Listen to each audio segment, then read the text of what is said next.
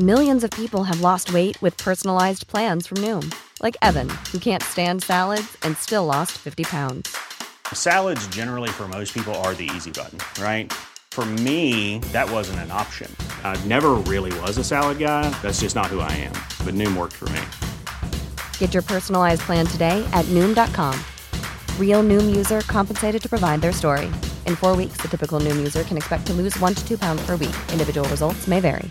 A lot can happen in three years, like a chatbot may be your new best friend. But what won't change? Needing health insurance. United Healthcare Tri Term Medical Plans, underwritten by Golden Rule Insurance Company, offer flexible, budget friendly coverage that lasts nearly three years in some states. Learn more at uh1.com. Hiring for your small business? If you're not looking for professionals on LinkedIn, you're looking in the wrong place. That's like looking for your car keys in a fish tank.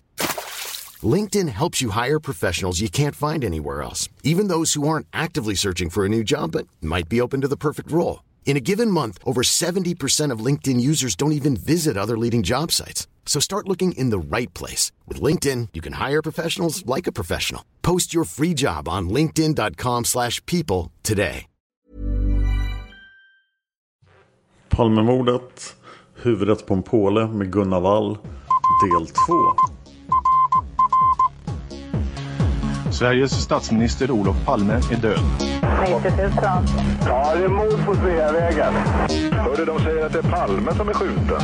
Mordvapnet med säkerhet är en Smith Wesson, en revolver kaliber .357. Inte ett svar. Det finns inte ett svar. För jag har inget. Och jag har inte varit Varför skulle jag Polisen söker en man i 35 till 40-årsåldern med mörkt hår och lång mörk rock. Och där är en intressant faktor. Anders B och Christer Pettersson är ju föga lika varandra förutom till, till klädseln. Ja, exakt.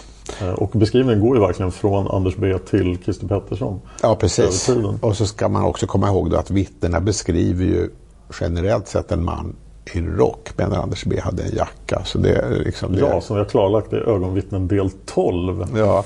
så har mördaren en lång rock. Ja, så det är att, men då finns det ytterligare hakar och det här det blir intressant eh, för att eh, om vi då tänker oss att eh, på brottsplatsen och i dess omedelbara närhet så fanns så rimligtvis fyra personer. Olof och Lisbeth, mördaren och Anders B.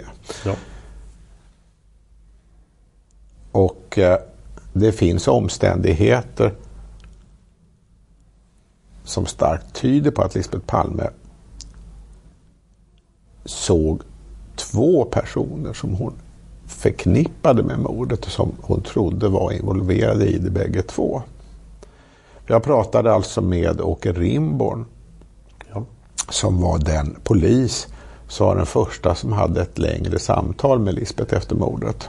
Just det, som vi tog upp i Lisbeth del 1. Okej. Okay. Och han, eh, han var på Sabbatsberg och talade med henne i två omgångar. Ja. Och han menade att det var helt klart ifrån det hon sa att, att hon hade uppfattat det som att det var två gärningsmän. Ja. Och det ska man ju inte tolka på något sätt att det var två män som sköt samtidigt eller liknande utan att det var två personer som var där som man uppfattade som att de agerade ihop så att säga. Just det. Och hon refererade i sammanhanget till två män som hon sett i Gamla stan utanför makarna Palmes bostad några veckor tidigare. Ja. Som hade oroat henne för att hon tyckte att de stod där och övervakade bostaden. Hon hade funderat på att ringa Säpo men hon hade inte ringt dem. Och det där nämnde hon också för Rimborg. Men, och det har ibland i efterhand beskrivits som att Rimborg kanske fattade fel. Att, att hon bara hade talat om en gärningsman men att hon samtidigt hade associerat till de här två männen i Gamla stan. Men han var helt entydig på det. Att hon hade talat om två gärningsmän. Och... Eh, så som han ju också har gått ut och sagt offentligt i, i samband med 30-årsdagen. Ja, exakt. Och han, han eh, rapporterade av till polisens sambandscentral och på grundval av Rimborgs uppgifter gick det ut ett rikslarm eh, som just fokuserade på att det skulle ha varit två gärningsmän. Ja. Och det rikslarmet det kom sen att ändras i olika varianter i flera omgångar under mordnatten därför att eh, det fanns dels så hade Lisbeth sagt att hon tänkte på Ustasja och där hade då biträdande länspolismästare just Tabelander eh, som var med i det här förloppet. Han kom fram till att det här med Ustasja var ju så att säga mer en spekulation ifrån Lisbeth Palme än en faktisk observation. Så att eh, det strök han och det ska, det ska då understrykas att han var själv på Sabbatsberg i ett senare skede och talade med Lisbeth också så han hade ju liksom underlaget ifrån egna samtal med henne. Just det, ett samtal som inte är dokumenterat. Nej, som, exakt. I alla fall inte så vi känner till. Nej. Men han strök alltså inte uppgiften om två gärningsmän, vilket han ju rimligtvis också borde ha strukit om han hade tyckt att den verkade vara osäker ifrån vad hon sa till honom. Så att, eh, och sen dessutom så var det vissa andra ändringar på grund av att man efterlyste, efterlyste en bil som var aktuell då i spaningen och sådana saker. Men annars, liksom, genom natten så var uppgifter om två gärningsmän kvar i rikslarmet hela tiden. Och det försvinner först när Holmer håller sin första av många presskonferenser eh, som han håller då vid lunchtid på lördagen. Och där säger Holmér då plötsligt att, att uppgiften om två gärningsmän är felaktig. Ja. Och det finns liksom inte någon dokumentation någonstans, inte några ytterligare förhör med Lisbeth eller någonting annat om varför det skulle vara felaktigt. Va? Den andra gärningsmannen bara försvinner. Ja, och då undrar man liksom, hur kan Holmér vara så säker på det? Va? Ja, då kunde man säga att de olika vittnena som har sett händelseförloppet, alltså andra än Lisbeth har inte talat om två gärningsmän. Men det räcker ju inte för att i och med att det skulle ha funnits uppgifter ifrån Lisbeth om två gärningsmän så kan man ju inte gärna stryka det innan man har kollat med henne.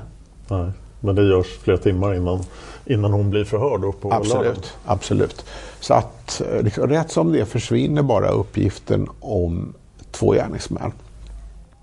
Och eh, man kan säga så här att eh, det som också är anmärkningsvärt i sammanhanget det är ju det att Lisbeth Palmes det som liksom blir den, den etablerade bilden av Lisbeth Palmes vittnesmål eh, allt eftersom det är ju att hon har inte gjort några observationer av gärningsmannen i samband med själva skottlossningen.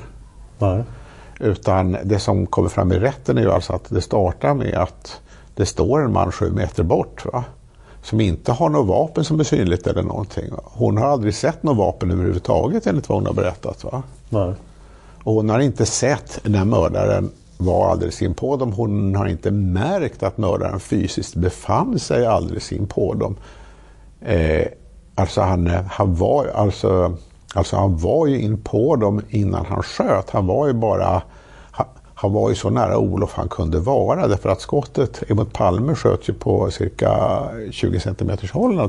På en helt folktom gata i princip. Ja just det och då undrar man hur kan man undgå att märka att någon är alldeles in på en så att säga. Därför att Anders B han var ju flera meter bakom så att Ja. säga. Ja, precis. Så att, när hon dessutom vänder sig till vänster. Ja, sen efter, efter det första skottet så vänder hon sig halvt om vilket gör att det andra skottet lyckligtvis inte träffar henne på samma sätt som det första skottet skulle liksom, liksom hade gjort utan att det bara snuddar hennes rygg. Att säga. Annars Ja. hade, om hon inte hade vänt sig om skulle hon ha skjutit i ryggen hon också.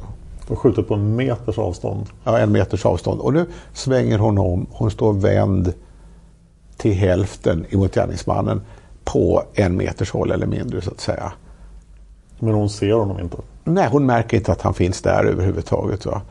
Utan först när han då ska ha förflyttat sig enligt, enligt hennes sätt att beskriva det sju meter bort och ställt sig där och tittat. Då skulle hon ha sett en person som hon inte kopplade ihop med det som hade hänt överhuvudtaget. Och det är ju, det väcker ju åtminstone lite frågor.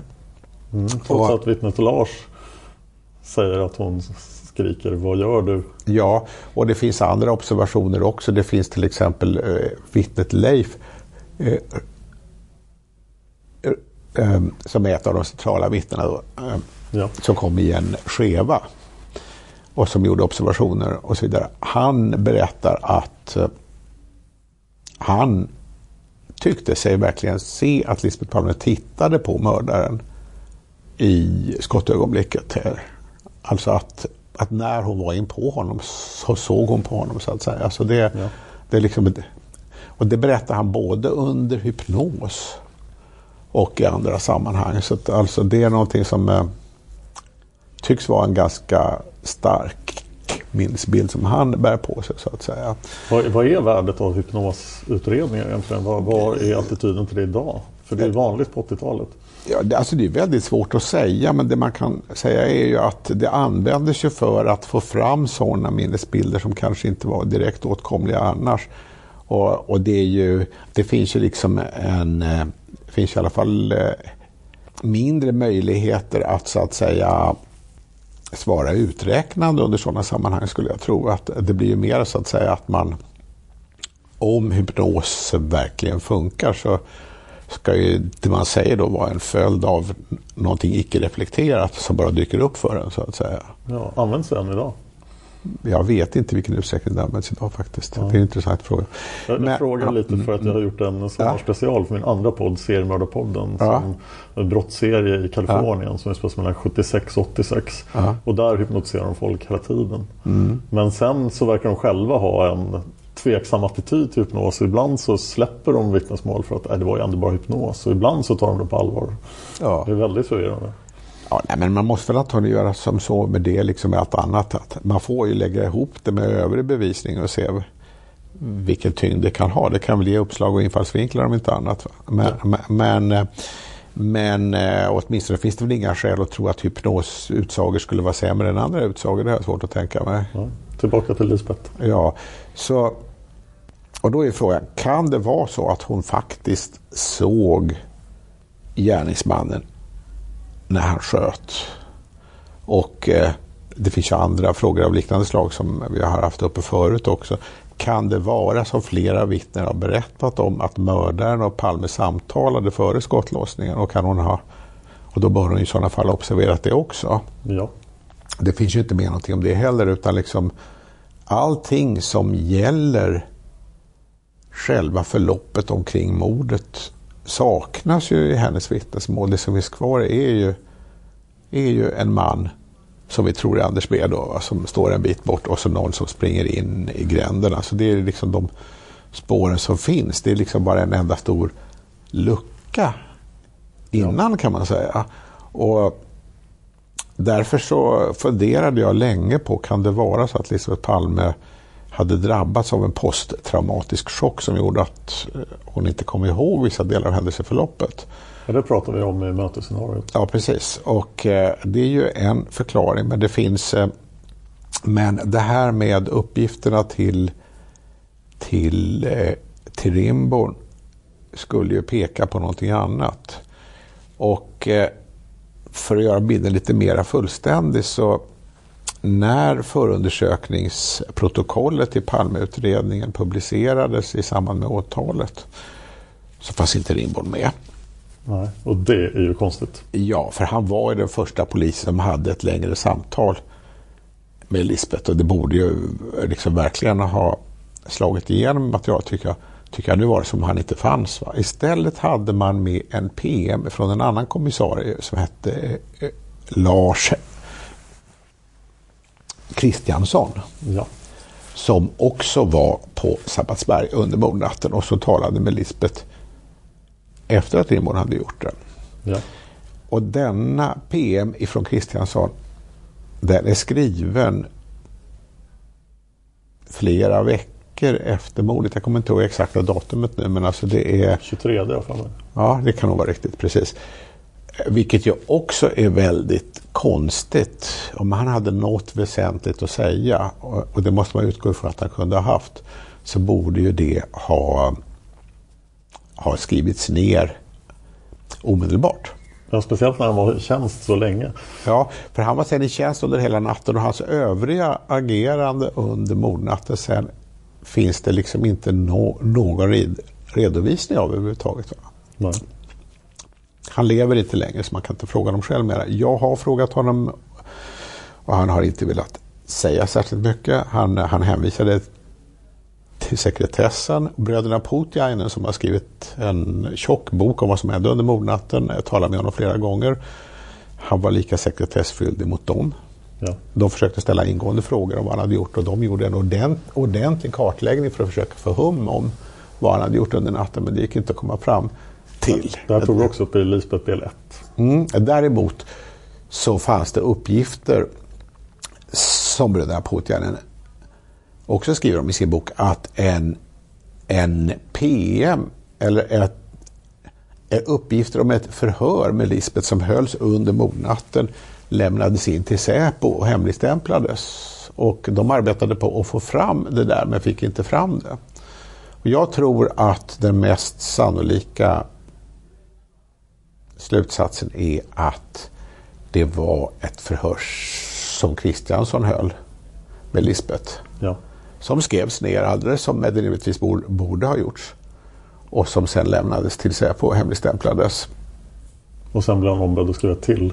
Sen blev han ombedd att skriva någonting som man skulle kunna ha eh, som en mera liksom officiell dokumentation på, på att han hade talat med henne. Och kanske för att eh, det fanns en uppenbar ovilja att ha med den överhuvudtaget så fick han hoppa in istället. Och en intressant sak med det han skrev är att han skriver att han kom till Sveavägen och fick höra av kommissarie Söderström då att det fanns vittnesuppgifter på att mördaren av Palme talats vid.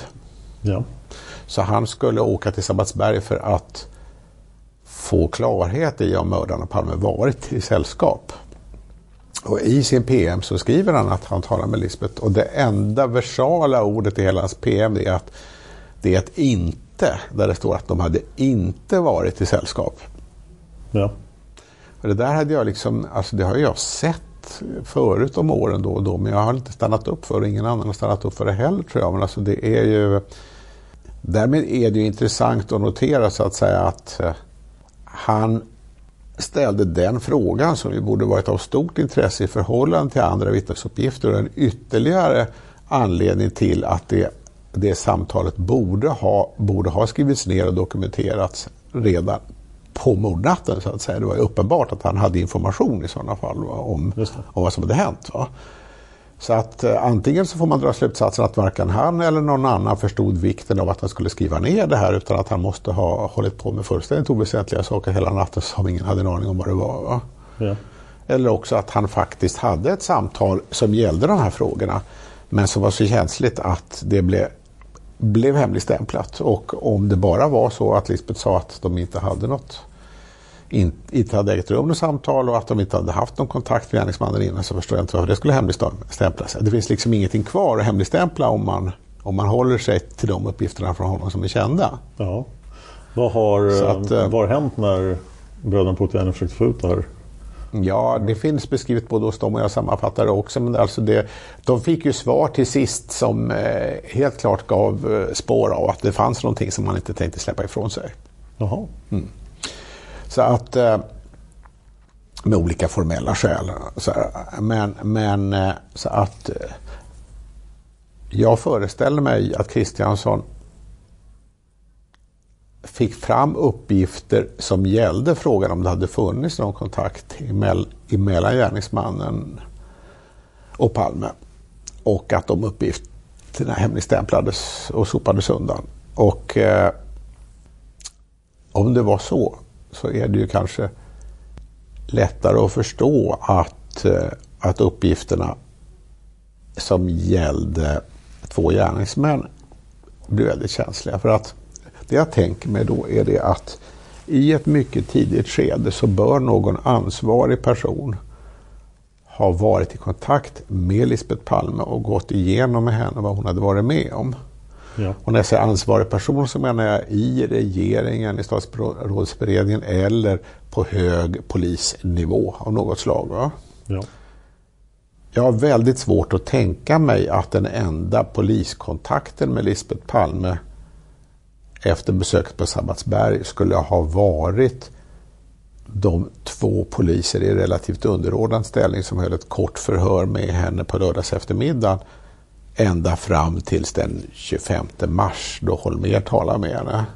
Ja. Alltså, alltså, det är ju fullständigt osannolikt att man inte skulle ha gjort mer än så. Varför skulle, varför skulle man ha begränsat sig till att bara skicka fram två poliser på lägre nivå för att hålla ett kort förhör med Lisbeth och sen inte gjort något mera. I synnerhet blir den frågan relevant när man tar del av vad Lisbeth senare säger i rätten då hon säger att hon hade inte något förtroende för de poliserna så hon berättade inte särskilt mycket för dem säger hon. Nej, och det är alltså två mordutredare från våldsroten? Eller? Ja, just det. Ja. Precis. Och eh, om inte hon hade särskilt mycket förtroende för dem, hur kommer det sig då i sådana fall att inte hon fick en chans att tala med någon annan som hon hade mera förtroende för? Och om hon då lämnade väsentliga uppgifter, vilket hon rimligtvis bör ha gjort, varför dokumenterades inte det överhuvudtaget? Alltså det är bara ett stort hål där överhuvudtaget. Det finns, finns, liksom, eh, finns liksom ingen dokumentation alls av, av något sånt. Va? Och förhöret med, med de här två poliserna på lördagen är ju märkligt eftersom ett annat viktigt vittne sitter med i form av Mårten Palme. Ja, och, och framförallt sitter ju Dahlsten som var säkerhetsansvarig på statsrådsberedningen med. Ja. Och han, han kom ju sen att fungera som någon form av eh, liksom överrock åt Lisbeth under de följande åren som alltid fanns med där och liksom eh, samtalade med henne och eh, fanns där som någon form av viktig figur som, som rimligtvis bara utövat ett rätt stort inflytande på hur hon agerade i de olika faserna. Va? Ja. Hans egen framställning när han intervjuas i Expressen i april säger, säger han att Lisbeth inte såg någonting av värde när han gärningsmannens utseende. Senare har han, långt senare, så har han gjort beskrivningar att Lisbeth hade en fotografisk blick och visste exakt hur mördaren såg ut och så vidare. Så han har ju han har ju just gjort den här svängen som vi pratade om då tidigare från fas 1 i utredningen till den andra fasen där. Ja, han har gjort en enorm sväng. Ja, så att, alltså det är något helt extremt. Ja. Men, men han fanns med där och han var ju alltså säkerhetsansvarig i statsrådsberedningen och det ska man inte bara se i den allra snävaste meningen att han var ansvarig för liksom lås och nycklar och sådana här saker utan mm. Utan han har skrivit en intressant artikel som jag refererar i boken eh, som publicerades i Kungliga krigsvetenskapsakademins tidskrift.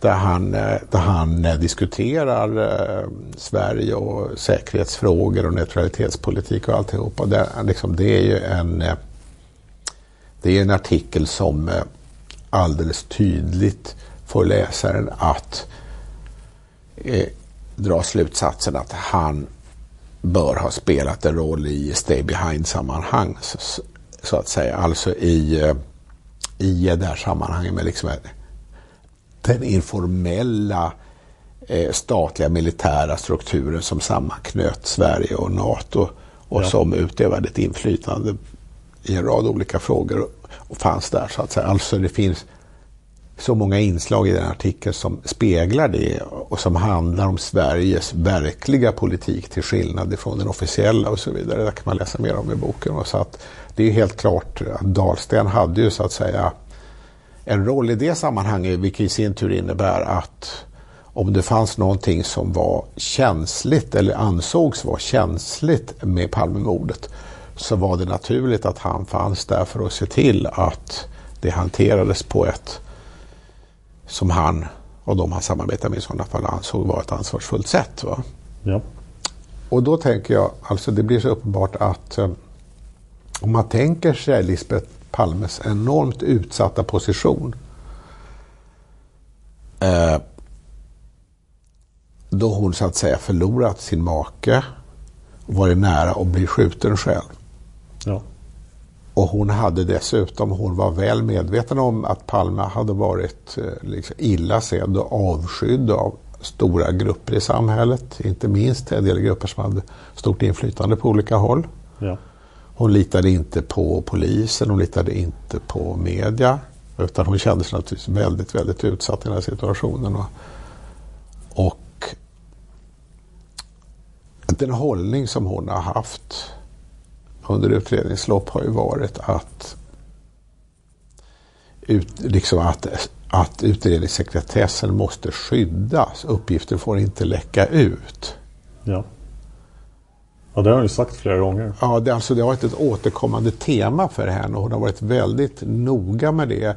Ett exempel var att efter förhöret som de här två poliserna höll den första mars så kom det ut en del uppgifter i media mm. om vad hon hade sett. Och det såg hon som en allvarlig läcka och någonting som bekymrar henne mycket. Ja. Eh, där alltså allting pekar på att det var inte någon läcka utan eh, det var Holmer som vidarebefordrade de uppgifterna eh, på ett sätt som i alla fall på det, på det formella planet så att säga motsvarar vad polisen gör i sådana lägen, nämligen att om man har någon form av uppgifter som kan vara av intresse och förmedla till allmänheten för att få in spaningstips, då går man ut med det. Va? Ja, det är ju fullständigt rimligt. Ja, så att alltså, men, du kan väl säga så här att det hon sa i det första förhöret saknade egentligen större betydelse därför det var så lite hon sa. Va?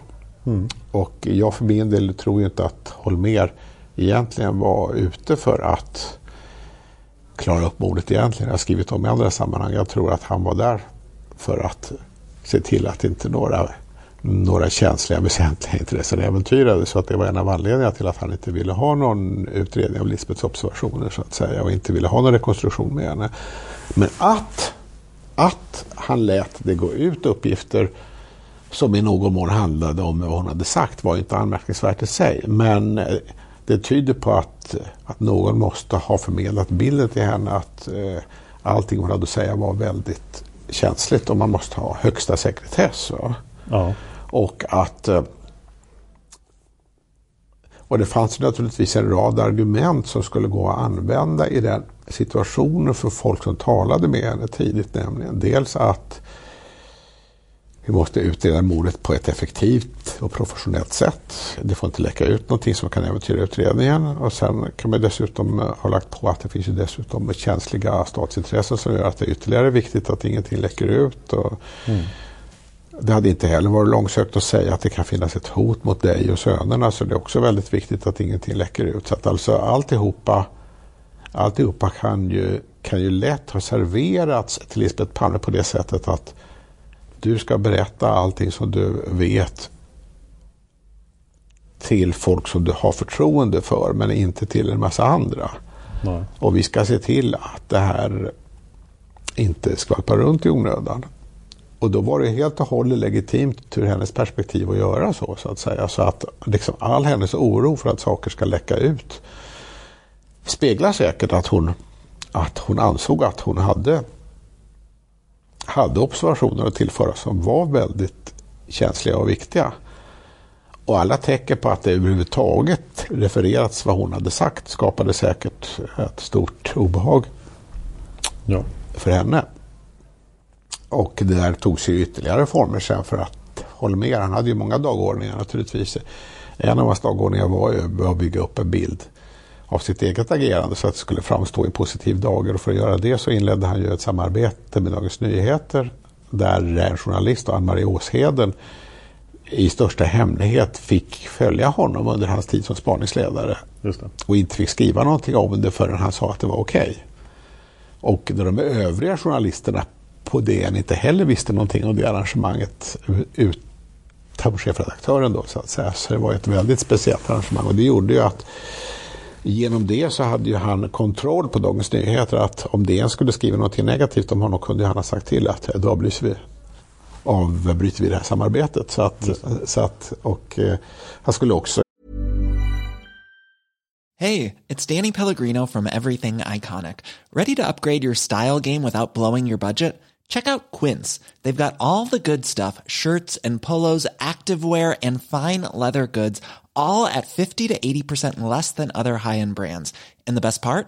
They're all about safe, ethical, and responsible manufacturing. Get that luxury vibe without the luxury price tag. Hit up quince.com slash upgrade for free shipping and 365-day returns on your next order. That's quince.com slash upgrade. If you're looking for plump lips that last, you need to know about Juvederm lip fillers. With Juvederm Volbella XC and Juvederm Ultra XC, your lip look, whether it's subtle or bold, can last up to one full year with optimal treatment and no additional maintenance. Find a licensed specialist and see if it's right for you at juvederm.com today. That's J U V E D E R M.com. Add fullness to lips in adults over 21 with Juvederm Volbella XC or Juvederm Ultra XC. Do not use if you have severe allergies or a history of severe allergic reactions, or if you're allergic to lidocaine or the proteins used in Juvederm. Tell your doctor if you have a history of scarring or taking medicines that decrease the body's immune response or that can prolong bleeding. Common side effects include injection site redness, swelling, pain, tenderness, firmness, lumps, bumps, bruising, discoloration, or itching. As with all fillers, there's a rare risk of unintentional injection into a blood vessel, which can cause vision abnormalities, blindness, stroke, temporary scabs, or scarring. For full important safety information, visit juvederm.com. Millions of people have lost weight with personalized plans from Noom, like Evan, who can't stand salads and still lost 50 pounds. Salads, generally, for most people, are the easy button, right? For me, that wasn't an option. I never really was a salad guy. That's just not who I am. But Noom worked for me. Get your personalized plan today at Noom.com. Real Noom user compensated to provide their story. In four weeks, the typical Noom user can expect to lose one to two pounds per week. Individual results may vary. I sinom tid när han så önskade genom Åsheden att få ut sin egen story av, Ja. av eh, hur han ville skriva. Vi ska återkomma Ja. till Åsheden och Holmérs samarbete i både i PKK-spåret och i spåret Spaningsledaren. Ja, ja, det förstår precis. Eh, men jag ska säga det att eh, när då Åshede gick ut, vilket hon fick göra till sist, och efter Holmérs avgång så fick Åsheden eh, skriva artiklar i Dagens Nyheter och det blev en bok också. Ja. Då hade Lisbeth återigen kände hon att liksom, där hade Holmér då berättat för Åsheden om det förhör som Holmér hade hållit med Lisbeth. Va? Det, det är liksom återigen samma sak att att hon kände sig lurad då. Så att sen, liksom, han hade sagt att det här skulle vara mellan dem och så går han ut och berättar saker. Så att, att liksom allt, allt det här som överenskommelsen byggde på att hon bara skulle rapportera av till, till en liten krets av människor och så skulle stanna där. Det verkade inte längre stämma så att säga. Nej, hon uttrycker ju stor ilska mot Holmér. Ja, precis. Och sen, eh, sen har vi då fasen med åklagarna. Alltså efter Holmérs avgång börjar då Palmeåklagarna att ha återkommande samtal med Lisbeth och med sönerna. Och det är helt uppenbart att, eh, i alla fall vad vi kan läsa oss till, inte några förhör där man samlar in mer information från henne utan enbart ett sätt att berätta saker från utredningen för att få henne att känna sig trygg med dem så att säga. Ja. Och sen när då den här fasen inträder när Och det går ju måttligt bra också. Hon har ju förtroende för väldigt få personer. Ja, men eh, hon har hyfsat förtroende till sist då för Almblad och Ribedal och det är liksom de, de som får ha de här samtalen. Och Anmärkningsvärt har hon ingen vidare kontakt med Ulf Elin som sköter Anders Eller Helin. Anders Lin, förlåt. Ja, precis. Som sköter eh, som är åklagaren i rättegången. Ja, precis. Nej, det har de inte alls. Så att, eh, så att det finns ju fler befattningshavare som har vittnat om att det gick inte att ha någon kontakt med henne. Så att säga. Men, men i alla fall, då, då och, så, och så förbereds då sakta det här att hon ska hon ska förberedas inför ett utpekande. Och när det börjar närma sig då blir det plötsligt, tror jag, då blir det plötsligt väldigt invecklat. För att då är det klart att Palmeåklagarna vill att Lisbeth Palme ska upp i rätten och göra sitt utpekande av Pettersson. Mm. Och det vi kan konstatera är ju att hon fylls av väldigt starkt obehag inför detta.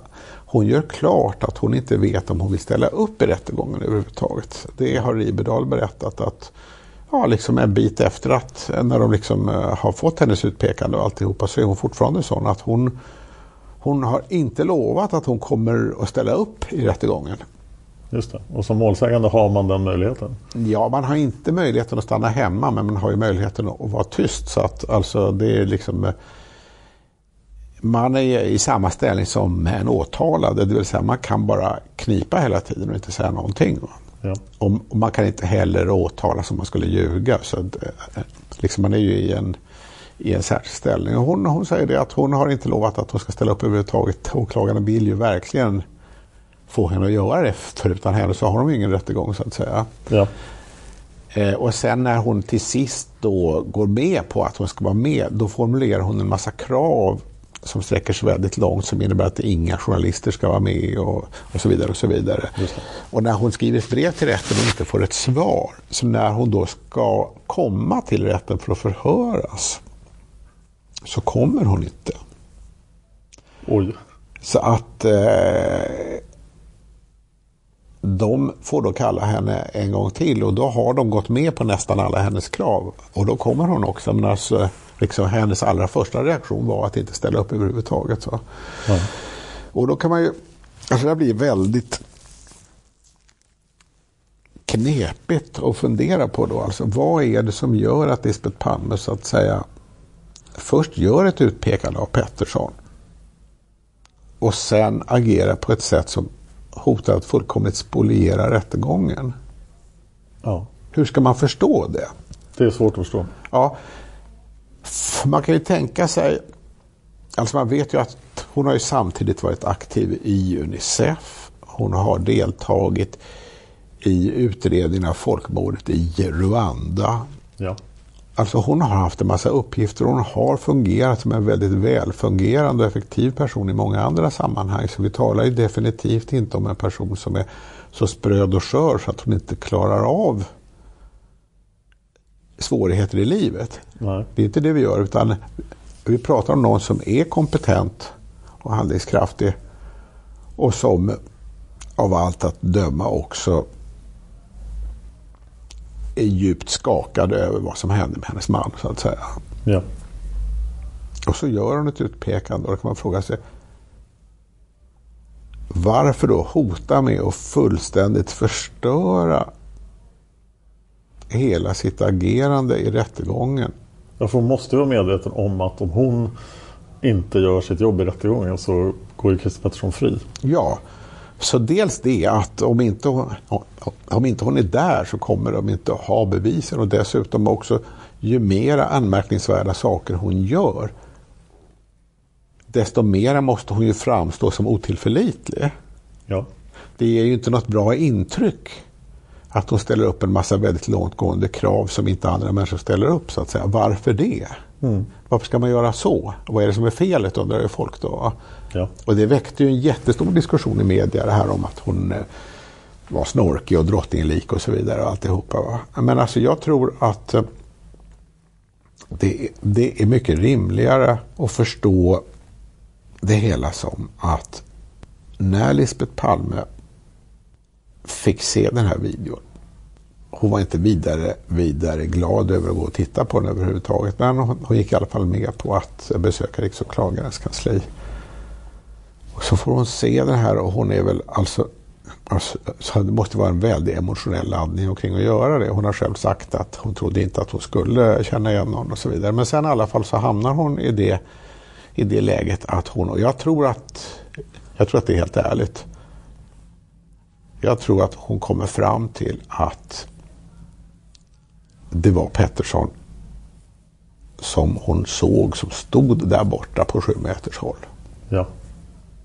Och då får man komma ihåg att alltså det är ju den subjektiva säkerheten har inte särskilt mycket att göra med vad som faktiskt eh, behöver vara fallet. Det säger ju all vittnespsykologisk forskning, vilket hon borde veta om också naturligtvis. Ja. Och att hon dessutom gjorde en observation av en person som hon inte kände tidigare en mörk kväll mycket hastigt och då hon inte då trodde att det var mördaren enligt egen utsago sen. Va? Ja. Utan att, att hon ser sig om efter hjälp och hon ser en person och så efterhand tänker hon att eh, aha, det där var, han var inte så oskyldig som han verkar ungefär. Va? Nej. Och då hennes allra första beskrivningar tyder på att hon inte har gjort några vidare distinkta observationer alls av den här personen. Va? Ja. Så är det ju om hon sen så att säga får intrycket från åklagaren att här har de någon som de verkligen letar fram och det är en riktigt ruskig typ som har mördat förr och så, och så vidare. Liksom därför att, eh, därför att eh, efter, när hon får se den första visningen har hon inte så mycket information till hands. Men när hon, när hon får se den andra gången, då har ju Pettersson varit ute i media och halkat i 43 dagar så att säga. Så då har ju liksom hans allmänna hemskhet är ju väl omvittnad då på olika sätt. Så att Ja. säga. Så att eh, då är det mycket lättare, lättare att föreställa sig att denna person som gjorde ett obehagligt intryck på henne när hon fick se honom första gången att det var nog han som stod där borta så att säga. Och eh, det är också viktigt, alltså det har ibland beskrivits som att Pettersson skulle ha att hon skulle fått uppgifterna från Aftonbladet Expressen om att det var en alkoholist som pekade, liksom som var aktuell. Men alltså, om man tittar på Aftonbladet Expressen den dagen, Ja. som hon alltså antingen kan ha tittat i själv eller fått uppgifter från andra om, så är inte alkoholismen någonting som är framträdande överhuvudtaget. Nej. Utan det är att det är farlig mördare. Det är det som är det centrala så att säga. Ja. En otäck typ. Så att eh, och om hon då, alltså om då Rimbords uppgifter är riktiga, att, att, hennes, att hennes spontana upplevelse var att det handlade om två gärningsmän. Och då måste hon ju ha tänkt sig en som sköt och en som fanns med som backup Ja. På något sätt. Va? Vilket ju inte alls är något liksom, orimligt upplägg. Det, det är inget konstigt så att säga. Det kan man mycket väl tänka sig att något sånt skulle kunna arrangeras om man ska genomföra ett mord. Ja. Eh, så när hon sen då står inför de här uppgifterna att, att här har man en farlig mördartyp från undre världen. Varför? Ja, alltså det är, väl, det är väl ganska rimligt att han kan ha varit en backup till den som sköt då. Ja. Och när hon väl har övertygat sig om det, då är det naturligtvis då är, då är det ju önskvärt att han blir fälld såklart. Va? Ja. Men samtidigt så har hon ju liksom redan genom den här ursprungliga dealen som ju hände omedelbart efter mordet och, så, och som hon inte då kunde ha förstått vidden av så att säga. Så har hon ju redan så att säga bundit upp sig för en beskrivning av händelseförloppet som är ofullständig. Ja.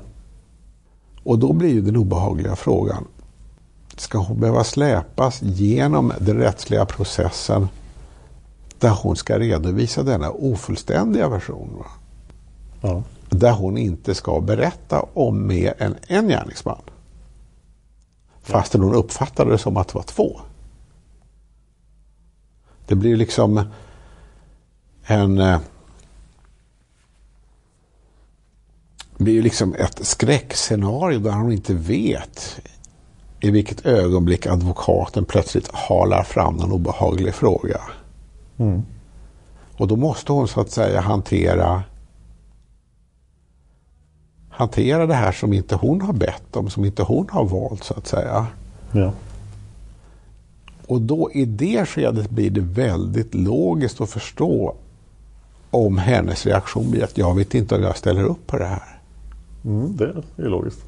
Det är väldigt logiskt. Och att när hon till sist ställer upp efter att ha försökt att få så många restriktioner som möjligt omkring det hela så är hela hennes attityd i förhören att hon inte vill svara på några frågor alls i stort sett. Va? Ja. Utan liksom när hon får frågor från både åklagare och advokater så är det hela tiden att det har jag redan svarat på. Mm. Det tänker jag inte säga något mer om. Ja. Alltså liksom väldigt, väldigt snävt och fullständigt omotiverat om det bara var så att, att hon hade gjort exakt den iakttagelse som hon talar om och nu vill hon ha gärningsmannen fälld. Va? Ja. Men helt logiskt om det liksom är väldigt viktigt att inte det hela spårar ut till ytterligare saker som det har funnits någon sorts konstig överenskommelse som inte hon har skapat om att man inte ska prata om vissa saker. Va? Och det som jag tycker är väldigt tänkvärt i att det hon faktiskt säger Ja. i tingsrätten. Mm.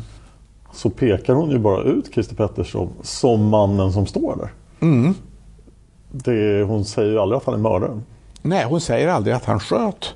Och obs också värt att observera att hon har aldrig gått in på någon diskussion om vilka motiv som skulle ha funnits. Hon har aldrig tagit avstånd från sina egna tidigare bestämda resonemang om att hon tror att det var en internationell komplott som låg bakom mordet. För det liksom sa hon ju, sa hon ju mycket tidigt. Ja.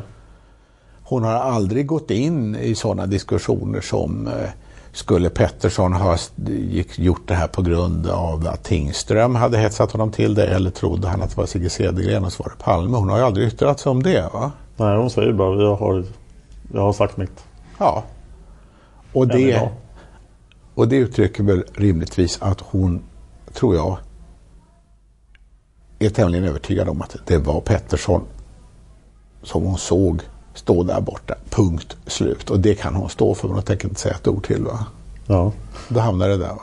Två synpunkter. Den mm. första är att eh, man måste undra över vilken komplott hon har tänkt sig då. Om hon, om hon tror en internationell komplott och sen efterhand får hon lära sig att Christer Pettersson är en nedgräklig alkoholist från Rotebro. Och hur hon får det att gå ihop. Men det kanske hon inte får att gå ihop. Nej, men Borde du kanske... inte då inse att utpekandet av Christer Pettersson är fel? Det har ju förekommit så mycket uppgifter om Pettersson som gick ut på att han eh, skulle ha varit en torped. Det är liksom ofta, ja. ofta åberopat och, eh, liksom i, i, olika varianter. Ja. Eh, det har ju funnits uppgifter om eh, att Tingström skulle ha eh, liksom snickrat ihop en plan om att mörda kungen och Palme och justitieministern och Pettersson skulle vara en länk i det hela. Alltså det fin- alltihopa hänger ju på vad man läser och vad man väljer att tro på. Det går ju mycket väl att, liksom, det har ju funnits uppgifter med om att Pettersson skulle ha varit Palmehatare. Just det. Så att det går väl mycket väl att tänka sig att, om man vill, att eh, liksom vilka fula typer som helst som skulle vilja genomföra mordet och ha med sig någon eh, ruskig hantlangare så skulle någon kunna ha rekommenderat Pettersson. Alltså, jag, menar, jag tycker inte att det låter realistiskt men man kan säkerligen utifrån en del av de informationer som, eh, som har farit runt om Pettersson i media kan man ju säkerligen övertyga sig om att det här låter tänkbart. Ja. Den andra reflektionen jag har är att när man läser Rimborns ja. PM mm. och man lyssnar på vad Lisbeth säger, då får man ju intrycket att den andra gärningsmannen är mannen i beige som ju inte har identifierats som är 30 meter norrut på Sveavägen. Ja. Mm. Eh, men han överlever ju till tingsrätten och han nämner hon ju även i tingsrätten. Mm. Ja, han finns ju med där så att säga. Så att det är något... Eh, det, är ju, det skulle fortfarande kunna vara en intressant person. Och man kan absolut inte utesluta att Alltså vi kan väl säga så här att vad som egentligen hände i gathörnan var ju så att där fanns det en skytt ja. som inte hade någon medhjälpare på nära håll. Ja. Och så fanns då Anders som, som råkade hamna där och hamna mitt i det så att säga. Ja. Men eh, det kan ju mycket väl ha funnits med en, en eller flera medhjälpare som dök upp ganska snabbt efteråt och bara checkade av läget och försvann så att säga. Och denna mannen i beige som är fortfarande inte identifierad skulle kunna vara en sån person. Ja. Det är absolut, absolut tänkbart. Va? Så att, eh, för att eh, om vi tänker oss att mordet var planlagt så eh, bör det ha funnits, tänker jag i alla fall, det understryks av andra uppgifter omkring mordplatsen med all den här radiokommunikationen som ja som jag pratar om i andra sammanhang, så eh, tyder på att det, det, kan ha funnits en, en grupp som var inblandad i mordet och då är det ganska troligt, tänker jag, att någon i gruppen skulle ha som uppgift att komma dit i efterhand. Då. Två andra funderingar jag har med tanke på Anders B's vittnesmål. Mm. Anders står ju och väntar vid reklampelaren på att hans kamrater ska komma ut från bankomaten. Ja, han, han står och väntar på gatan, han står, nära gatan. Han, han står norr om reklampelaren. Just det, men han står mm. där och väntar ja. mm. Eh, och tittar norrut mm. mot ingången till bankomaten. Rätt eller fel? Ja, alltså han ja. står, jag vet inte, han står väl ganska mycket mitt för bankomatingången tror jag. Så att jag vet inte om det är norrut han tittar. Men paret Palme passerar då, åtminstone enligt officiella gärningsbeskrivningen, mm. passerar honom utan att han ser dem. Fast han står och är uppmärksam på om hans kamrater kommer ut eller inte. Och de kommer ut i samband med att han ser dem komma ut men då mm. går han åt andra hållet. Och mm. då hamnar han precis bakom paret Palme som han inte observerat tidigare. Mm. Det är en sån här detalj som jag har... Ja, alltså, alltså man får ju tänka sig eh, Dels är han ju själv är han ju lite grann då i valet och kvalet om man ska åka hem eller inte. Så att eh, Så han står ju där, han vet ju att de ska komma ut så att han behöver inte stå och stirra på bankomatingången för att veta det utan antagligen är han väl inne i Ska jag åka hem och lägga mig eller inte? Va? Så, så han skulle kunna missat Ja, ja, han kan väl liksom ha gått i egna tankar. Eh, han står där ett bra tag, eller hur? Ja, den tiden det tar för dem att göra sitt uttag i alla fall. Ja. Så att, eh, men, men sen får man ju också komma ihåg det att eh, som jag för, föreställer mig när man lägger ihop de här olika uppgifterna så finns det ju emellan vittnet Nikolas rörelseschema och makarna Palmes rörelseschema tyder det på att de har att de har stått stilla i eh, dryga 40 sekunder. Eh, alldeles, alldeles där på, på slutet innan de kommer fram till Dekorima-hörnan. Och det skulle kunna vara precis, tänker jag, med söder om annonspelaren, att de står och pratar med gärningsmannen. Där, va? Och det betyder ju att eh, när Anders väl kommer fram, då kanske det är precis när det samtalet är över och de börjar att röra sig söderut. För han uppfattar ju som att det är tre personer som går i, går i bredd ett, ett antal meter då. Ifrån ungefär vid annonspelaren och framme till gathörnet. Så då, då betyder ju det att eh, de har i sådana fall gått förbi, ja alltså rimligtvis bör de ju ha gått förbi i samband med att han stod där och väntade men så har det gått en liten stund så att säga. Och det, det är väl, han hade väl inte någon anledning att hålla något speciellt fokus på folk som gick förbi. Det, var det är väldigt tomt på gatan på den sidan. Ja, men det är väl, liksom, det är väl till att tänka eh, liksom, omständigheter. Hans intresse var eh, ska jag hänga med eller inte ungefär. Och han var inte nykter heller, han var inte spiknykter vilket ju liksom ytterligare gör att man är inte superobservant så att säga. Nej. Och så går det förbi ett par. Och det är bara, ja, det är, det är inte mina kamrater. Nej, det är inte speciellt intressant kanske. Så Hur långt hann kamraterna innan det small? För deras förhör är inte släppta, eller hur? Nej, jag har inte sett det. Så det är väl... Eh, det skulle vara intressant att veta faktiskt. Men man det... tycker att de rimligtvis borde ha mött mannen i beige då? Ja, det är en mycket bra detalj faktiskt. Så det deras förhör är väldigt intressanta. Ja, det bör de absolut kunna ha gjort. Så Dessutom när det smäller så har ju de en ganska bra bild av vad som mm. händer där. De ja. skulle ju ses. Ja, det kan man tycka. Eh, man kan ju tänka sig att mannen i beige korsade gatan. Så att, mm, det kan han förstås Det kan han ha gjort, det är svårt att säga. Men eh, han hade ändå varit på, han var ju ändå på Sveavägens östra sida när han var en bit bort och observerades. Ja. Och Lisbeth där, så det, det, ja. Nej, men visst, nej, men det finns väl ytterligare saker. Alltså överhuvudtaget den här ofullständigheten, det vet jag att det sa ju eh, Stig Edqvist som var spaningsledare för några år sedan. Han, han var ju väldigt irriterad över att inte vittnesförhören hade fokuserat mera på att vittnena skulle, skulle identifiera andra vittnen. Ja. Och det hade ju verkligen underlättat för då kunde man ju liksom ha checkat av och kunnat räkna lite bättre på är alla vittnena identifierade eller vilka vittnen är det som saknas? Ja. Och där kan man ju tycka att där också av det skälet borde ju Lisbeth Palme ha förhörts på plats noga för att hennes observationer skulle hjälpa till.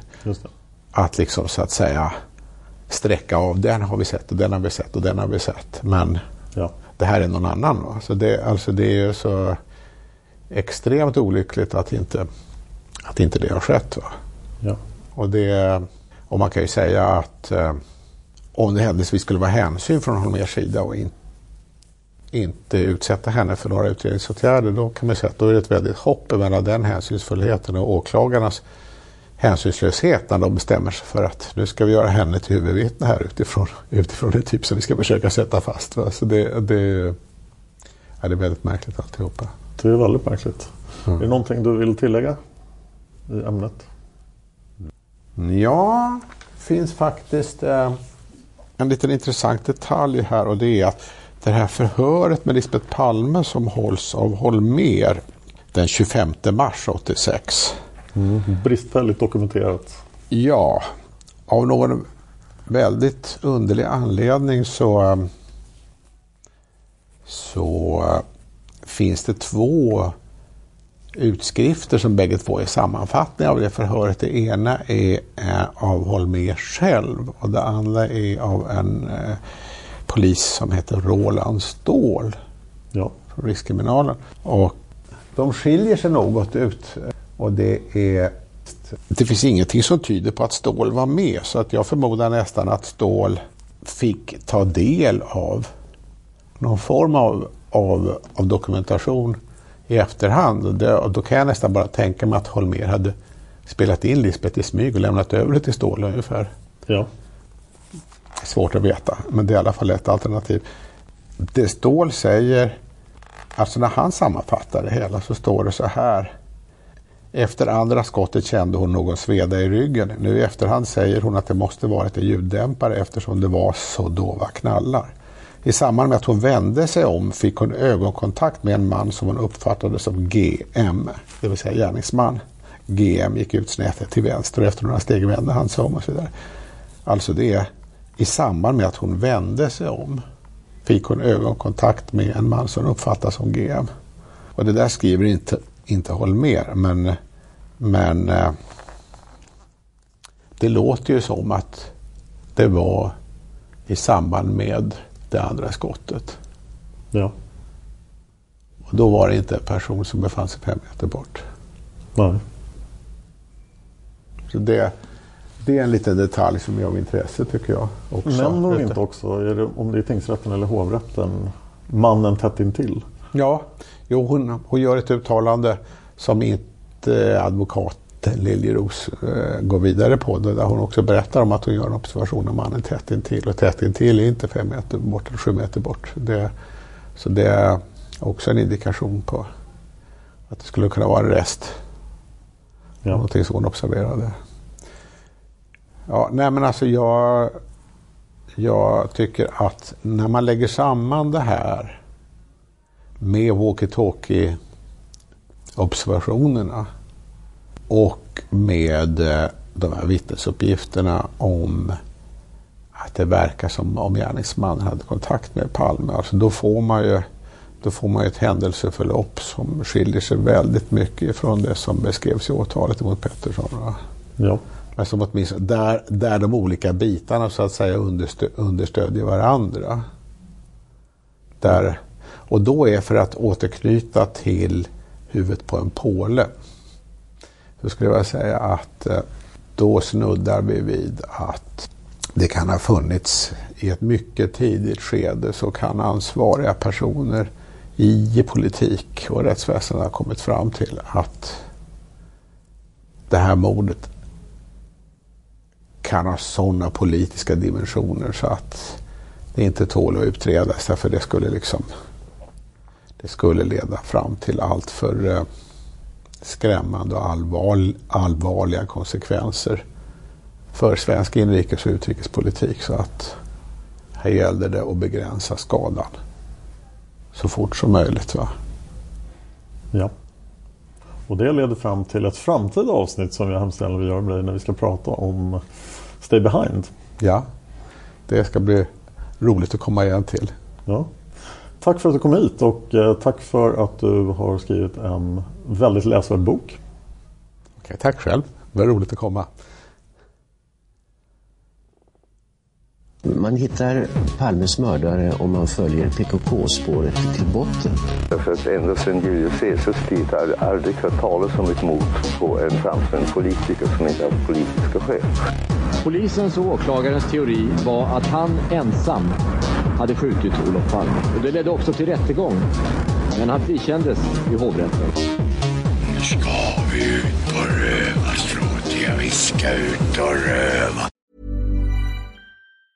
Hey, it's Danny Pellegrino from Everything Iconic. Ready to upgrade your style game without blowing your budget? Check out Quince. They've got all the good stuff shirts and polos, activewear, and fine leather goods, all at 50 to 80% less than other high end brands. And the best part? They're all about safe, ethical, and responsible manufacturing. Get that luxury vibe without the luxury price tag. Hit up quince.com slash upgrade for free shipping and 365 day returns on your next order. That's quince.com slash upgrade.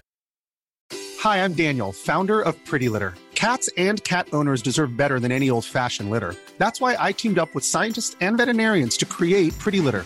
Its innovative crystal formula has superior odor control and weighs up to 80% less than clay litter. Pretty Litter even monitors health by changing colors to help detect early signs of potential illness. It's the world's smartest kitty litter. Go to prettylitter.com and use code ACAST for 20% off your first order and a free cat toy. Terms and conditions apply. See site for details. A lot can happen in the next three years. Like a chatbot may be your new best friend. But what won't change? Needing health insurance. United Healthcare Tri Term Medical Plans are available for these changing times. Underwritten by Golden Rule Insurance Company, they offer budget friendly, flexible coverage for people who are in between jobs or missed open enrollment. The plans last nearly three years in some states, with access to a nationwide network of doctors and hospitals. So, for whatever tomorrow brings, United Healthcare Tri Term Medical Plans may be for you. Learn more at uh1.com.